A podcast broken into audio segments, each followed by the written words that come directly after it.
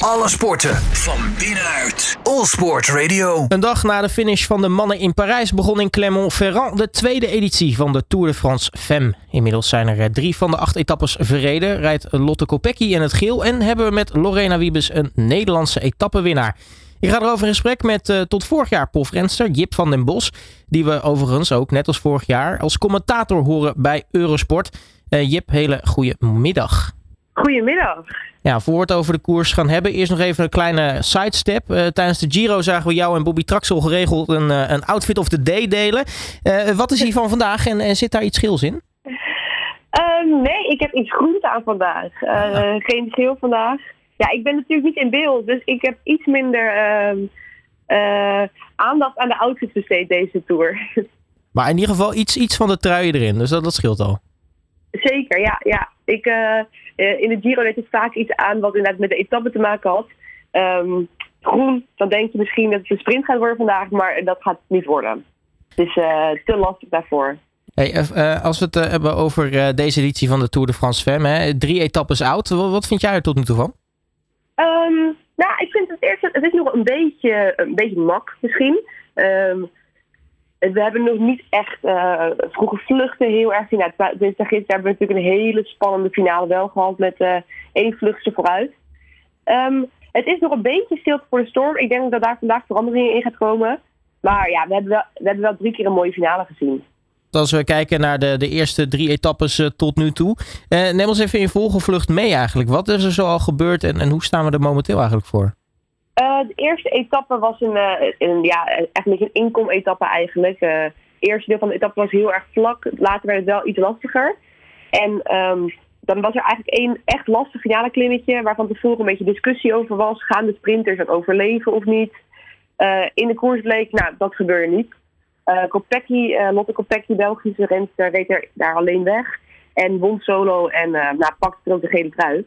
De tweede etappe was een, echt een lastige etappe werd door Demi ook wel gezegd dat het mogelijk de koningin-etappe was. Nou, deed dat niet echt eer aan in de koers. Het was een lastige etappe. Bleef ook een elite groepje over uh, op de slotklim. Waarvan uh, Liana Lippert won. En een rappe, rappe van Movistar.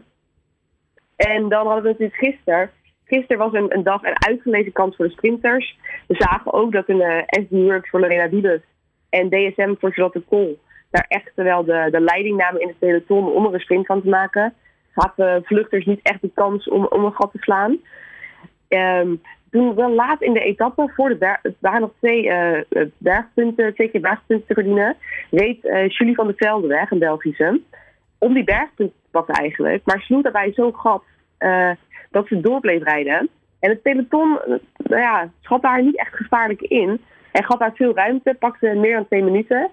En dat werd nog heel erg spannend, want het was lastig voor de sprintploeg om die achtervolging in te zetten. Waardoor ze haar pas terugpakte met 200 meter te gaan. En uh, ja, dat was natuurlijk hartverscheurend dat zij de etappe niet won uiteindelijk naar, naar een vlucht van uh, bijna 60 kilometer. Um, maar ja, Wiebes won bij de sprint uh, de eerste Nederlandse overwinning.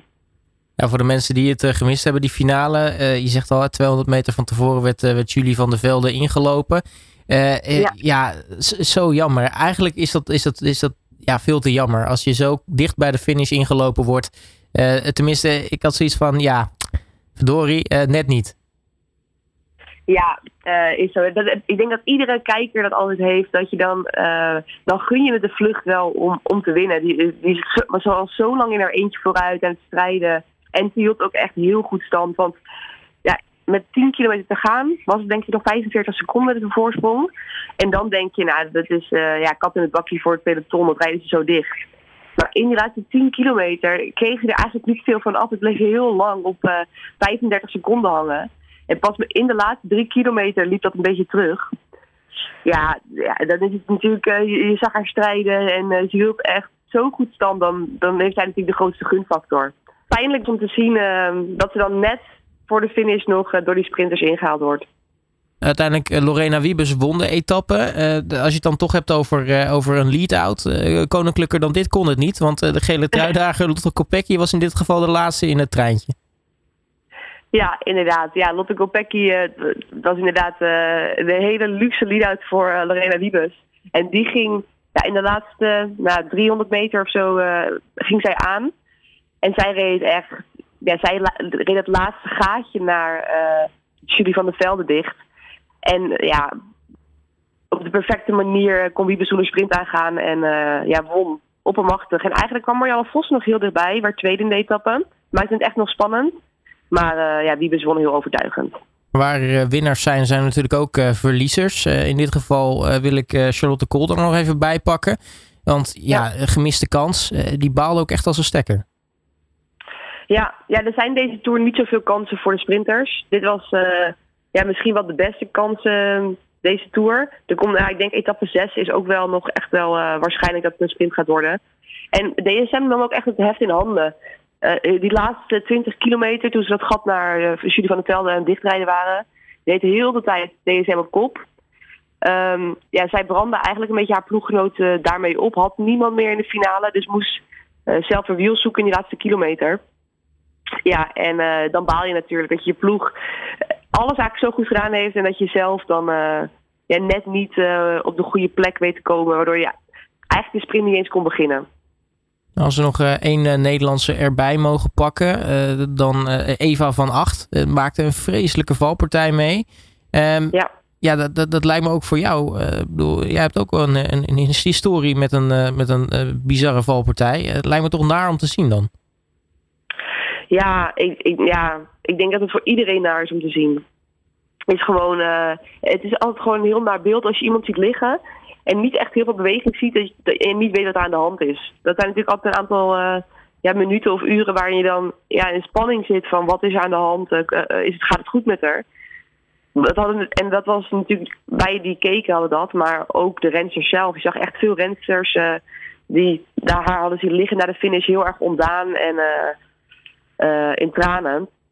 Omdat het gewoon een heel naar beeld was dat ze zo onder die vangrail lag ja, niemand wist echt hoe het met haar, eh, hoe het met haar ging. Het, nu weet ze dat gelukkig. Het gaat goed met haar. Ze is in Nederland. Ze heeft een hersenschudding. En ja, ik weet niet precies hoe ze het noemen, maar een gekneusde long. Niet lekker allemaal. Echt vervelende, vervelende blessures. Maar het gaat goed met haar komen. En dat is altijd wel heel fijn nieuws. Ja, dat is het belangrijkste. Maar ja, dat eerste wat je noemt, een hersenschudding, dan gaan bij jou denk ik wel wat alarmbelletjes rinkelen. ja, zeker. Ja, ja, weet je, kijk, een hersenschudding kan op zoveel verschillende manieren. Ik heb, eer, ik heb eerder in mijn carrière ook wel eens een hersenschudding gehad. Waar ik gewoon snel van herstelde. En uh, dat is meestal wat je ziet. Dus meestal ja, gaat dat gewoon goed. Um, maar ik heb wel altijd, als ik dan hoor inderdaad van als iemand een hersenschudding heeft, dan wordt er vaak gezegd van, nou gelukkig geen breuken, alleen een hersenschudding. En dan denk ik wel eens van alleen een hersenschudding. Dit kan echt, het kan heel vervelend zijn. Um, maar ja, weet je, meestal is dat helemaal niet, niet, uh, niet zo ernstig. En uh, nou, neem je twee weken rust en uh, gaat het daarna wel weer. Ja, nou ja, genoeg over nare dingen. Pakken we even Lotte Kopecky hierbij. Hoe goed is zij? kan zij die gele trui vasthouden tot en met Po? Ja, dit wordt deze week inderdaad vaak gevraagd. nou, hoe goed is ze? Ze is heel goed in elk geval. Dus ik denk dat ze, ja, ze laat gewoon zien dat ze um, in topvorm is hier. Uh, wil pieken op het WK, wat vlak na de, na de Tour is. Um, ja, is hier gewoon al in topvorm. Maar ik denk, uh, of ja, nou, ja, ja, ik weet het niet zeker, maar wel vrij zeker dat de etappe van zaterdag, waar we de Aspen en de Tourmalet over gaan, dus de eerste, eerste keer dat we echt lange beklimmingen gaan doen, dat gaat ze niet overleven.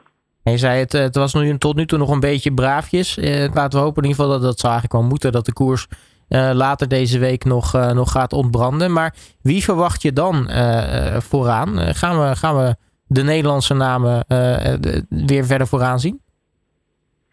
Zeker, ja. ik, denk, ik, ik, denk en ik hoop vooral ook vandaag al. Want vandaag is echt een lastige finale. Echt veel lastige klimmetjes in die laatste, dit is het 40, 50 kilometer. En um, dat is echt wel iets voor de klassementsvrouwen al. En ik hoop dat bijvoorbeeld een Annemiek van Vleuten vandaag er al iets aan gaat doen. Uh, nou, Nivea Doma zagen we gisteren ook al uh, veel in de aanval. Maar ook Ashley Moolman uh, en natuurlijk Demi Vollering. Dus ik hoop dat vandaag... Wat, wat, wat, wat, wat ik eigenlijk denk is dat um, op die laatste... Nee, die, die etappe van zaterdag waar we de Tourmalet over gaan... Dat gaat Demi Vollering goed doen. Ze heeft dit jaar bewezen, ook in de Vuelta, dat lange klimmen, steile klimmen dat ze daar eigenlijk de betere in is ten opzichte van Van Vleuten. Dus Van Vleuten moet eigenlijk zorgen dat Vollering al moe begint aan die etappe van zaterdag. Of dat ze al wat voorsprong heeft op, op, op, uh, op uh, Vollering. Dus ja, ik hoop dat Annemiek vandaag gewoon denkt: dit is mijn dag en ik ga ervoor. Nou, als we nog even kort die etappe erbij pakken tussen Kouwer en uh, Rodé. Uh, wat, wat gaat er dan uh, in die etappe gebeuren? Ja, jij bent natuurlijk volop bezig met je, met je etappevoorbereiding. Uh, dus ik gok dat je alles ons kan vertellen over, over wat er vandaag voor de rensters te wachten staat. ja, nou zeker. Um, nou, de eerste 80 kilometer is eigenlijk vrij vlak. Daar, dat is niet ja, echt een aanloop.